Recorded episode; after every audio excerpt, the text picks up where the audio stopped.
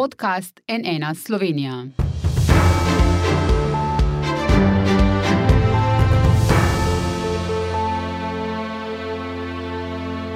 Pozdravljeni v še eni izredni oddaji NN Studio.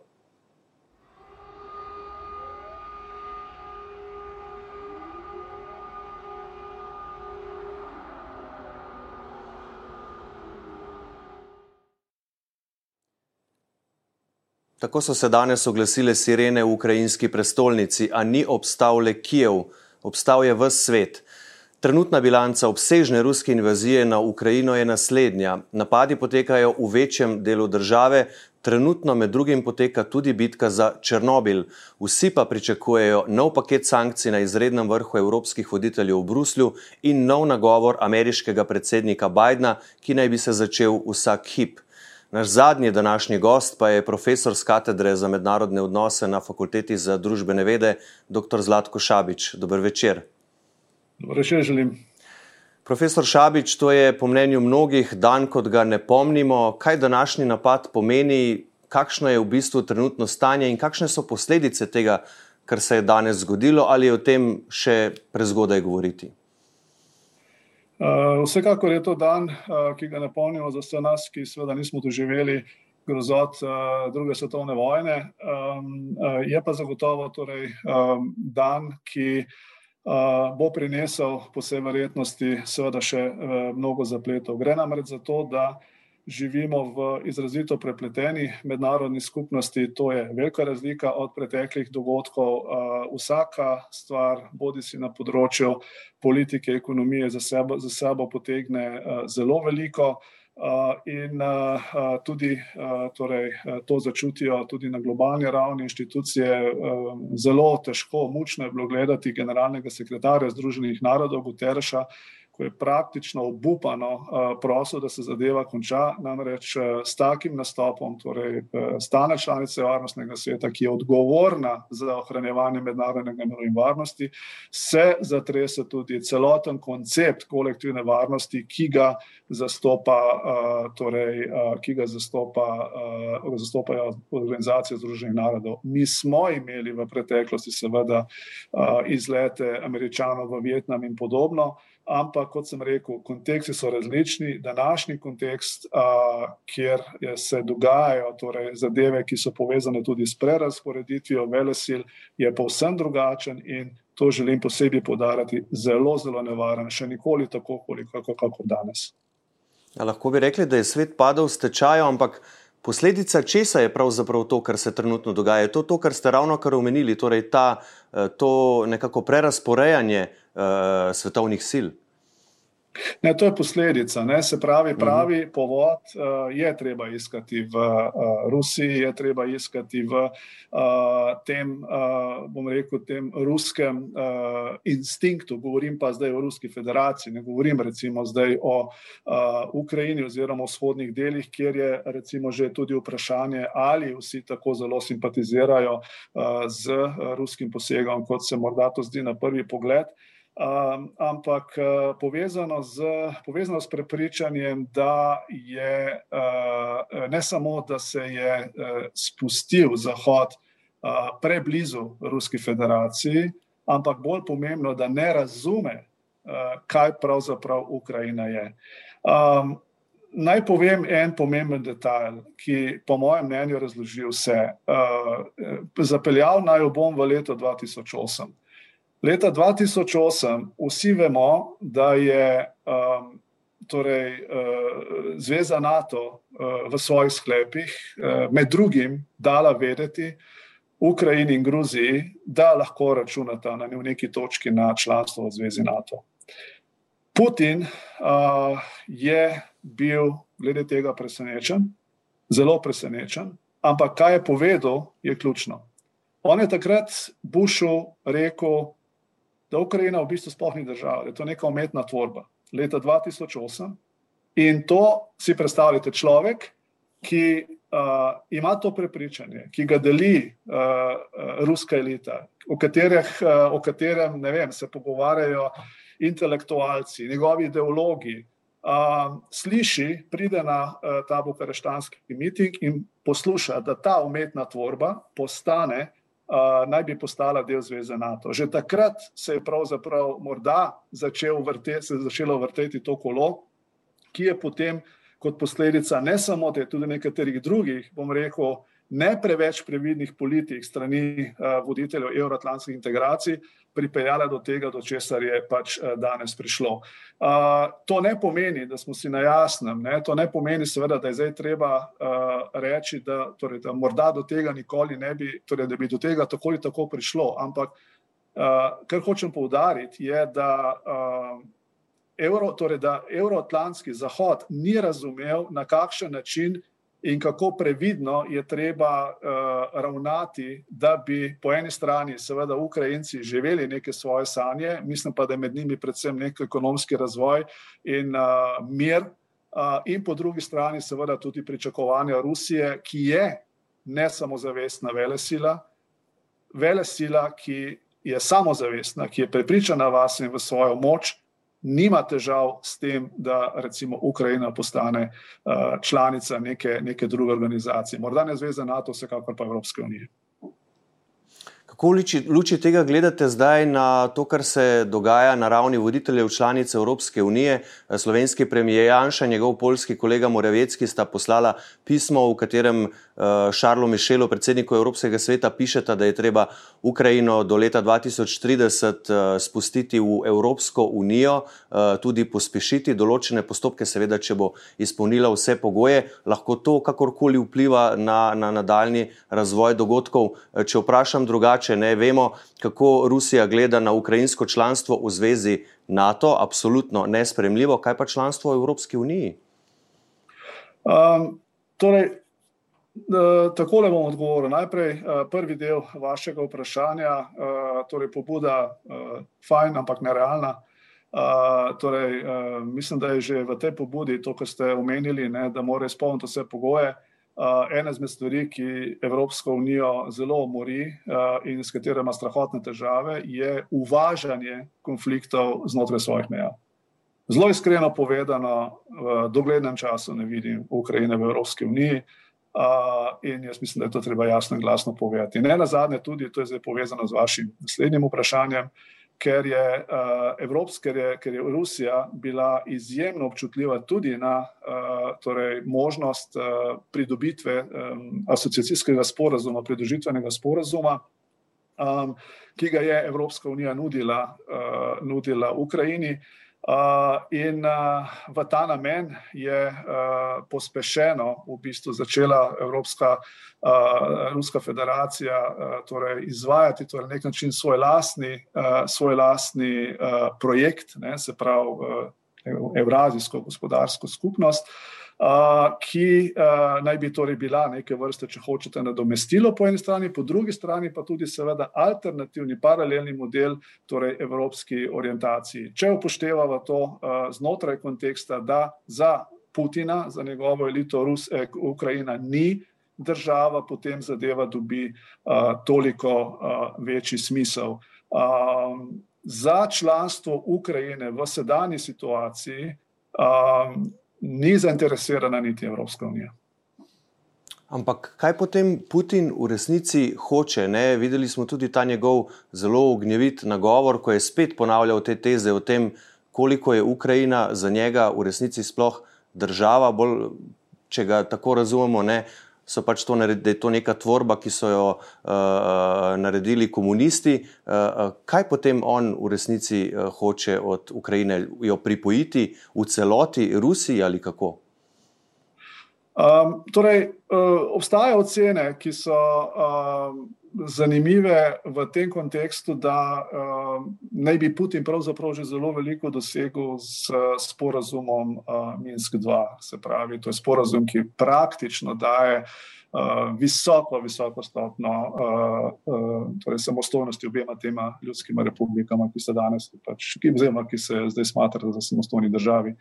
Um, Putin je še šel dlje uh, in uh, torej, bilo je veliko vprašanje, ne, če se bo Putin premaknil iz tega uh, sporazuma, torej, če bo uh, naredil točno to, kar je naredil, priznal.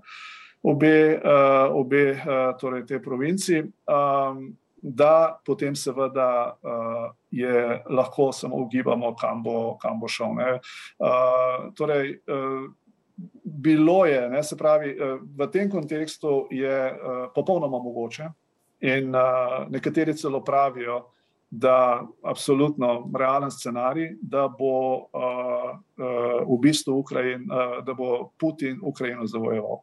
Torej, da bo jo uh, potegnil uh, k sebi. Uh, vi veste, ne, uh, poznate ta na, morda res fopa, ne, torej njegovega uh, strokovnjaka oziroma njegovega svetovalca za obramna vprašanja, ki je govoril o neki pripojitvi uh, in ga je Putin seveda strogo popravil, ampak mislim, da torej, ne, kaže, da gre, da gre za to. In tam se potem seveda postavlja vprašanje, kako naprej. Uh, pomeni, uh, lažje je zavojevati, kot pa stanje vzdrževati. Uh, mnenje o ruski invaziji v Ukrajini ni enotno. Um, dejstvo je, da uh, bo torej, uh, bi pravzaprav tukaj, da je tukaj pravzaprav največji del naloge, narekovaj, ki jo Putin hoče, bi mogel upraviti. Um, ampak uh, ja, to samo sporoča, da če bo šel tako daleč, če bo tako ambiciozen, uh, bo uh, seveda uh, se ta konflikt uh, zelo dolgo vlekel, uh, kajti ne znam si predstavljati, da Ukrajinci in Ukrajinke um, si ne bodo prizadevali. Tudi oni si želijo pač neko, oni si želijo nek način življenja, želijo imeti uh, pač uh, zdaj karkoli že, da na ten način življenja je, imajo evropsko perspektivo, na kakšen način in tako naprej, to pač morajo oni seveda povedati, ampak ta volja jim mora biti dati, dana. Ne? In kot sem rekel, na to mogoče, to, ta del mogoče. Uh, Putin uh, nekoliko, po mojem mnenju, vsaj podcenjuje, namreč uh, verjamem, da njemu in pač, eh, bom rekel, spet ruski eliti. Ukrajina ne deluje ravno kot neka država, deluje kot umetna tvorba, uh, vendar tega seveda Ukrajincev nihče ne vpraša. Ne? Uh, celo oceno sem slišal, da je pravzaprav ta občutek države, ta občut, instinkt za to, da ima državo, tudi pri Ukrajincih, ki so morda zdaj bili, bili neutralni, se je ojačal, je postal močen ravno zaradi te invazije. Tako da uh, se mi zdi, da se bo tukaj uh, zadeva še, uh, še vlekla. In kot sem že prej povedal, še ena pomembna dimenzija, ki jo pogosto izpuščamo, in tukaj seveda bo potrebno poslušati tudi ekonomiste, mednarodne ekonomiste. Namreč zelo veliko se govori o Rusiji, torej sankcije, eh, ki, s katerimi bo prizadeta, ogromno težke besede in tako naprej. Zelo malo, zelo malo pa se govori o tem, kaj lahko Rusija še kot kontraudar na področju ekonomije naredi ostalim državam. Zelo malo se o tem govori, sankcije bodo prizadele oboje, To je vojna, če govorimo o gospodarstvu, ki je ne more dobiti nobena izmed, eh, bom rekel, zelo reko, ajhovskojočih držav oziroma držav, ki so upletene v ta konflikt, torej ne samo Rusija in Ukrajina, tudi ostale. Te vojne nobena med njimi ne more dobiti. Ja, in iz Rusije so že čez dan opozorili, da bodo zagotovo odgovorili na te sankcije, da bodo eh, ponudili proti odgovor. In eh, vmes so tudi iz Združenih držav malo prej sporočili, da je novinarska konferenca predsednika Bidna zamaknjena in se naj bi začela šele čez kakšno uro. Pa če se zdaj dotaknemo, morda profesor Šabič, evropskih institucij, kje so, kaj delajo, kaj vse to zdaj pomeni za nje, že se govori o neki novi Evropi. Uh, mogoče samo pristavek tistemu, kar ste že povedali. Ja, jaz mislim, da Rusija ima argumente, kot sem rekel, nisem ekonomist, nisem ekspert za to vrstno vprašanje, ampak bom posebno namignil, uh, da uh, seveda ne, Rusija ne premore samo, uh, torej ne premore samo plina, tudi Rusija ima rude, tudi Rusija je vključena v vse torej te dobavne, globalne dobavne verige. In Rusija je del, Rusija je del mednarodne skupnosti, Rusija je del, torej je del globalizacije. In, a veste, to je tako kot veriga. Če izločiš en člen, ne moreš ta člen nekje nadomestiti. Ne? In zdaj Rusija ni glih mikrodržava. Ne?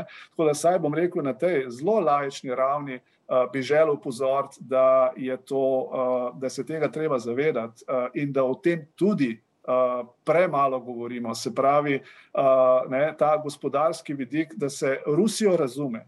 Da se razume, s kom imamo mi upravka, ne samo v kontekstu te ruske duše, ne samo v kontekstu, torej, bom rekel, načrtov geopolitičnih, zgodovinskih, emocionalnih, ne samo v kontekstu, kar sem prej rekel, torej, da, imajo tudi, seveda, da imajo tudi Ukrajinci verjetno drugačne, tudi na vzhodu, ne, kot sem rekel, niso vsi proruski, ampak ta gospodarski del je tudi zelo pomemben. Kar se tiče evropske institucionalne arhitekture, ja, torej, treba biti zelo jasen. Rusija je uh, zelo, grozi, zelo ogroža uh, celotno evropsko institucionalno arhitekturo. Zakaj? Po letu 1945 je mukoma nastal splet evropskih institucij, kamor ne spada samo Zveza NATO, kamor ne spada samo Evropska unija, sem spada seveda tudi OVSE, uh, sem spada tudi Svet Evrope, in niz drugih subregionalnih organizacij. Vse to je upeto v eno smiselno celoto, ki zagotavlja kaj? Zagotavlja mir in varnost, zagotavlja zaupanje, zagotavlja uh, gospodarsko sodelovanje. Uh, vse to je zdaj porušeno. Zdaj pa na kakšen način pomislite? Ne? Recimo, če vzamemo svet Evrope, se pravi, uh, govorijo o človekovih pravicah. Rusija je članica sveta Evrope. In ne, v nekem obdobju, ko je to sodelovanje bilo mogoče, ko se je dalo menedžirati ne, tudi te mejne probleme, ne, med drugim, zdaj, če govorimo o Ukrajini, tudi Ukrajino, seveda. Uh, ne, je, veste, ne, je Evropsko sodišče za človekove pravice v resnici razsojalo tudi v primerih iz Rusije. Rusija se je temu do pač, uh, pred par leti, ne, se je v resnici temu na nek način podrejala. Bila je del tega. OVSE je Organizacija za varno sodelovanje v Evropi je še danes edina evropska institucija, katerih meje segajo do Kitajske. In zdaj ta institucija je že nekaj, fakt, nekaj časa de facto mrtva, čeprav v resnici je imela daleč največji potencial kot pogajalsko uh, področje, uh, kot, pogajalski, kot pogajalski okvir. Razumemo, zakaj temu je tako. Razumemo, da je to zaradi uh, posredovanja uh, Rusije v Gruziji. Uh, in seveda, ne, uh, se, in, torej, in to, kar vidimo danes, se seveda lahko samo še, uh, samo še uh, dodatno zadevo zaplete. Ampak ne pozabimo, kdo je posredoval, katera inštitucija je posredovala, ko je prišlo do Krima, OVSE. Se pravi, te inštitucije so bile uporabne. Svet Evrope je kakorkoli že, vendarle, torej kot Rusijo, kot članico, lahko pritiskal od znotraj. Kar se bo zdaj zgodilo, kar se lahko zgodi, je seveda, da zdaj na ta način, s tem, kar je Rusija naredila, pride do popolnega uh, torej preobrata, ker se Rusijo lahko tudi, to sploh ni izključeno, izključi torej iz uh, torej, uh, delov institucionalne arhitekture, katerih članica je, da jo del seveda popolnoma ignorira. Vi veste, da je, posta, da je obstajala ne, neka funkcionalna povezava med uh, preko posebnega sveta med Zvezo NATO in Rusijo.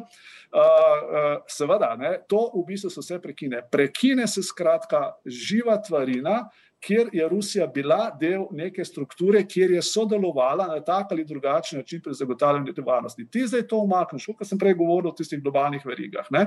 Ti zdaj to umakneš, Rusije ni, uh, v bistvu podreš strukturo, podreš arhitekturo in v resnici postanejo te inštitucije ne bom rekel obsoletne, ampak definitivno pa zelo, zelo omejene v svojem delovanju. In to je, eh, jaz ne vem, če se Putin tega zaveda, ampak kar Putin dela s tem svojim, s tem, s tem svojim ravnanjem, on v resnici postavlja uh, svojo državo. V, resnici 19. stoletje. Se pravi, uh, v bistvu v čas, ko so se med sabo uh, brez posredovanja inštitucij v bistvu borile med seboj vele sile in kjer ni bilo nekega pametnega pogajalskega prostora, kjer bi se lahko dogovarjali o mednarodnem miru in varnosti. Uh, mentalno je premaknil uh, torej mednarodno politiko v 19. stoletje. Ne? In jaz večkrat rečem, tehnološko ne, smo kot mednarodna skupnost uh, ne, na ravni uh, ugotavljanja oziroma na ravni umetne inteligence mentalno se mi zdi, da smo pa še vedno nekje v srednjem veku in to je tisto, kar se nam zdaj dogaja tudi z Rusijo. Ne? Se pravi, tudi če človek govori o nekih ne vem, svojih idejah o tem, ali Ukrajina je država ali ne. Uh, način, ki je bil obran, je seveda način, ki uh, uh, bo škodil v končni fazi tudi Rusiji. Torej, tukaj zmagovalca, zmagovalca jaz ne vidim. Uh, je pa dejstvo, to je pa treba seveda povedati, da je na glas na glas, torej, da je Ukrajina dejansko tu ostala sama, tega se tudi Ukrajinci sami zavedajo. Zveza NATO ne bo posredovala, uh, OZN ne more posredovati, institucionalno ne more, ker pač ne more sprejeti odločitve. Uh, potem je pa v bistvu edina opcija samo še direktna konfrontacija z Rusijo, ki se pa tudi ne bo zgodila, ker je Rusija v tem času postala respektabilna svetovna sila. Ali to pomeni, profesor Šabič, da sta mednarodna skupnost in mednarodno pravo res nemočni, kot nekateri pravijo, in zakaj, kje potem iskati moč in kje rešitve? Um, torej, uh, za mednarodno pravo vemo, ne, da je pravo, uh, vendar pa tudi vemo, da je mednarodno pravo deluje uh, v okoliščinah, kot omogoča mednarodna politika. Se pravi, mednarodno pravo temelji na konsenzu. Uh, če tega konsenza ni, potem seveda se prava nihče ne bo, prava, mednarodnega prava nihče ne bo spoštoval, uh, ker preprosto mi nimamo svetovne države, nimamo svetovnega ustavnega sodišča, nimamo svetovne policije, ki bi to omogočala. Mednarodno pravo se, uh, torej po eni strani, ne, to sta pač dve dimenzije, kako ga razumemo. Ne. Po eni strani seveda je odvisno od volje držav, po drugi strani, kar je pa zelo pomembno, je pa, da s časoma države privzamejo mednarodno pravo kot vrednoto, kot nekaj, kar v bistvu omogoča vsaj minimalno sodelovanje med državami. In to govorijo tudi v nekaterih šolah, tudi realisti, se pravi tisti, ki prisegajo ki presegajo na državo. Ne? In zdaj, uh, tisto, kar se tukaj dogaja, je seveda izziv uh, mednarodnemu pravu, ampak uh, to ne pomeni, seveda, da je mednarodno pravo mrtvo. Ne? Je pa mednarodno pravo v nekem tradicijskem obdobju. Zakaj? Zato, ker se dogaja nekaj, na čemer mednarodno pravo nima vpliva. Jaz mislim, da nobena, in tudi to je gre v bistvu za prerasporeditev vele sil. Jaz mislim, da nobena od teh sil, se pravi v osnovi niti Ruska federacija, ne, uh, v načelu nima, uh, torej, ni, ni, da bi bila nezainteresirana za uveljavljanje mednarodnega prava. Sam kontekst je zdaj problematičen. In tok časa, dokler se torej ne bodo postavile na novo, v bistvu moram reči, če se izrazim bolj plastično, na novo, v bistvu razdelile karte interesnih sfer uh, in seveda tudi meja. Uh, toliko časa bo mednarodno pravo ogroženo. Uh, in tukaj, seveda, ne, ne smemo pozabiti, ne, mi se zdaj pogovarjamo o Rusiji in njenih pretenzijah, uh, ki, so, ki so izrazito geopolitične, so tudi zgodovinske, razmišljo, zgodovinsko razmišljanje, ampak so osnovi geopolitične. Uh, Ruska federacija se pozicionira in na tej poti je, nažalost, Ukrajina. Uh, po drugi strani, ne smemo pozabiti, Združene države Amerike imajo še kako interes v vzhodnji Aziji. In Kitajska, seveda, ima svoje interese. Torej, in tam tudi, verjemite, ni nekega uh, prav hudega zatekanja za, za, za k mednarodnemu pravu. Tako da tukaj so približno vsi enaki. Sam pač se pravi, mi smo zdaj bolj soočeni s tem. In toliko časa, dokler med temi velesilami ne bo prišlo do konsenza, toliko časa bodo inštitucije trpele. Prej sem omenil OZN, prej sem omenil generalnega sekretarja Organizacije Združenih narodov. On se kot glavni tajnik svetovne organizacije zaveda, kaj se tukaj dogaja in seveda je frustriran. In uh, moram reči, da uh, je to približno tako, kot uh, to, kar se nam zdaj dogaja, potres in to potres z izredno visoko magnitudo, kjer zgradbe padajo in kjer je samo vprašanje, koliko so te zgradbe robustne, da saj do neke mere preživijo. In v takih situacijah se običajno življenje, torej običajne norme, ne uh, v bistvu ne upoštevajo. Ampak še enkrat, ne smemo pozabiti, če eno stvar se je, določene pravila bodo pa še vedno, oziroma določene, določene navade, določeni uh, procesi bodo pa še vedno obstajali. Kot sem rekel, ne, recimo uh, ne, jezik gospodarstva je pomemben in uh, če uh, bo tudi tukaj prišlo do, pač, uh, uh, bom rekel, zdaj šumov, potem, seveda, bomo tudi na tem področju, pa vsi nastradali. Um, če pride celo, če sem, ne vem, celo malo bolj kataklizmičen, ne so do nekih protek protekcionističnih politik, potem pa, če zgodovina je kakšna učiteljica, uh, bo, pa, bo pa zelo težko. Tako da, uh, kaj storiti, kaj je rešitev? rešitev, pa, torej, tem pa seveda lahko govorimo, uh, rešitev je, uh, po mojem mnenju, absolutno uh, globalno zagovorništvo teh norm vrednot, o katerih ste govorili, pri čemer v tem zagovorništvu, da tako ne gre, da to ne sme biti, uh, v to zagovorništvo mora biti vključene ne samo Evropska unija, ampak tudi vse sile, ki to lahko storijo, Indija, Brazilija, uh, zaradi mene, če hočete, tudi Pakistan, ker širša slika torej sile, ki imajo, ki imajo kaj zapovedati na tem svetu. In to niso, recimo, zdaj neposredno upletene. Zakaj? Zaradi tega, ker ne moreš biti ti opazovalec plesa supersil, ker boš prej ali slej ti v bistvu ena izmed žrtev. In zdaj je še čas, neke vrste, zdaj je še čas, da se nekaj naredi. Neke vrste, če hočete, ne bo, marsikomu to ne bo všeč, ampak neke vrste novo, renovirano, drugače koncipirano gibanje oziroma pritisk neke vrste neovrščenih. Tistih, ki vidijo, in tukaj lahko tudi Slovenija zraven, poslušajte, to, to ne gre to ne gre, ker ti, ne vem, naslednji, kdo pa naslednji, ne vem. Poglejmo na poglejmo Zahodne Balkane, se tam tudi, recimo, mentalno gledano, ne, niso, uh, niso, niso meje povsem jasne. Se vidimo, kaj se dogaja v Bosni. Spomnimo se, kako se, kako se, kaj se je dogajalo, ko je Jugoslavija razpadala, kje so se pa zadeve začele, med romantiki, med pisci. Ki so potem v bistvu pripričali politike in pelali svojo zgodbo. Veste, mi, mi se moramo, torej kot, kot preostanek mednarodne skupnosti, upreti vele silam, in v bistvu sprejeti diskurs, v katerem njim rečemo, ne gre, dosti je. Se pravi, dokler pa mi v bistvu smo in takrat, seveda, v taki koaliciji, potem pa tudi ne, tu, je to drugačen pritisk, kot če samo Evropska unija, ki je že v svojih koreninah v bistvu že v marsičem diskreditirana. Če pa je to v bistvu neka globalna koalicija, je pa to en popolnoma drug jezik. In ne pozabimo, se strinjam, v drugačnem kontekstu. Gibanje nevrščenih je bilo zelo pomemben igralec v času hladne vojne. Kako bi se neko tako gibanje, koalicija, eh, zagovorniška skupina imenovala, danes mi je prav vseeno. Vem pa, da bi imela zelo veliko vlogo. Mhm. Seveda je zelo nehvaležno napovedovati, kaj se bo zgodilo, kako se bodo zdaj stvari odvijale v naslednjih urah in dneh, ampak Nekateri imajo zelo apokaliptične strahove, napovedi, omenjajo možnost, da smo na pragu tretje svetovne vojne, celo so to po vaše pretirane ocene. Veste kaj, svetovna vojna je tako. Ne? Zdaj pri svetovni vojni seveda uh, moš vedno, ponovadi je vedno tako, ne? da imaš seveda neko koalicijo držav, uh, ki uh, se pač ne, zbere skupaj in uh, poskuša uresničevati cilje. Ne? Torej vedno imaš tako, eno koalicijo naprej druge koalicije. Ne?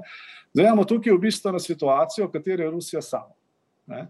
In, zdaj, uh, uh, in Rusija ima v resnici lokalen cilj. Ne? Ta lokalen cilj je v osnovi torej Ukrajina. Ne? Um, po drugi strani imamo seveda Kitajsko, ki tudi v resnici ne, deluje kot agresivna, ampak je tudi v osnovi sama, nima neke koalicije, njen lokalen cilj je recimo Tajvan. Um, tisto, kar mi ne vemo, ne, je seveda, ali se te sile, in to pa je zgodovina pokazala, o tem je govoril ne na zadnje že Tukidit, seveda, da se te sile potem na neki točki povampirijo, ne, postanejo zaslepljene ne, in v resnici vidijo, ne, ne vem, zmaga smo v Ukrajini, zakaj pa ne bi potem rekreirali v primeru uh, Rusije, ne, zakaj ne bi rekreirali nek, ne, nek imperij, ki sega ne vem kam do Katarine Velike. Ne. Uh, in, uh, in v bistvu, uh, ne, tako da tam tega seveda ne moramo, ampak zato pa pravim, torej zato svetovna vojna bi to pomenila res v resnici, ne vem, ne, kataklizmično v tem smislu, da bi, ne vem, ZDA napadle, uh, prišle braniti Ukrajino, pa so rekli, da tega ne bodo naredile. Evropska unija preprosto tega ni sposobna sama za sebe narediti in tudi uh, deluje trenutno kot opazovalec. Mi se moramo, uh, mi se moramo torej ukreslotočiti ne na vprašanje, ali bo svetovna vojna ali ne, mi se moramo osredotočiti na vprašanje, pa sem prej lahko rekel, kaj narediti, da se ta zadeva ne razplanti. Uh, uh, torej, vsekakor delati na lokalni ravni, na uh, ne vem, kakšni rešitvi, tukaj nisem dovolj pameten, ker sem rekel, reševanje ukrajinske krize se bo začelo takrat, ko bo, če bo, seveda, ampak ko bo Rusija uh, zavojevala celotno Ukrajino, kajti takrat bo treba to vzdrževati in tisto ne bo enostavno in tam se zgodba. Torej, če bo Rusija zasedla celo Ukrajino, tam se zgodba ne bo končala. Uh, torej, uh, in to je, torej, to je treba pač na nek način, seveda, potem reševati, in zato utegnejo biti leta, desetletja. Uh, to smo imeli v zgodovini, tudi ko so se zdele, zdele zadeve nemogoče, da se zgodijo, pa so se zgodile, pa je bilo potem to treba reševati. To je tako pač, ne, neke vrste ne, družboslovni zakon narave, stvari se pa spreminjajo. Uh, ampak um, naša naloga je, uh, da, nismo del, da, nismo del, da ne pademo v vrtine z tega, da nismo del te širše zgodbe, ker smo lahko zelo hitro. In zato sem prej govoril, da to pa, da to pa more biti ne regionalni odgovor, ampak globalen odgovor. Če se pa že pogovarjamo o regiji, pa treba povedati še enkrat. Mi se zdaj ukvarjamo z Ukrajino, mi pozabljamo na Zahodni Balkan, uh, pa dobivamo opozorila iz Zahodnega Balkana. Ena izmed uh, fata, potencialno fatalnih napak Evropske unije je bila, da se, je, uh, da se, da se ni ukvarjala, politično ukvarjala uh, dovolj močno z, uh, torej z Zahodnim Balkanom, pa čeprav je bila na to pogosto opozarjena. Uh, a veste, ne, zdaj tukaj, ne, tukaj se mi zdi, da ne, tudi če bi kdo rekel, tudi če bi kdo rekel, ja, pa se smo se zelo veliko ukvarjali. Ne, Ukrajinski primer ti kaže, da še bistveno, bistveno premalo, ker ti Evropska unija z nekim integriranim Zahodnim Balkanom in uh, torej brez neke umestne zgodbe je povsem drugačna unija, kot pa taka, kot jo trenutno imamo. Za konec še vprašanje, kaj vas kot profesorja mednarodnih odnosov najbolj skrbi po tem, kar smo videli danes? Um, torej, Tisto, kar uh, me seveda, torej, ne, zdaj, če, bi poskušal, če bi poskušal nekako, um, vedno je težko, ne, tudi bodi si kot učitelj, bodi si kot uh, strokovnjak uh, za področje, predvsem učitelj, no, uh, verjetno zbrati misli in prideti vem, v razred. Eh, in seveda, najprej prva stvar, ko sem prišel v razred, ne sem vprašal, v bistvu, pri vseh predmetih, že pa potem govoril, ker sem domnevan, da se je o tem seveda veliko govorilo. Uh, je v resnici to, da uh, torej, ne, uh, skrbi me, uh, da uh, um, je uh, v tem trenutku torej, multilateralizem, se pravi sodelovanje med državami, v uh, hudi krizi, oziroma v hudi krizi, v bistvu na stran poti.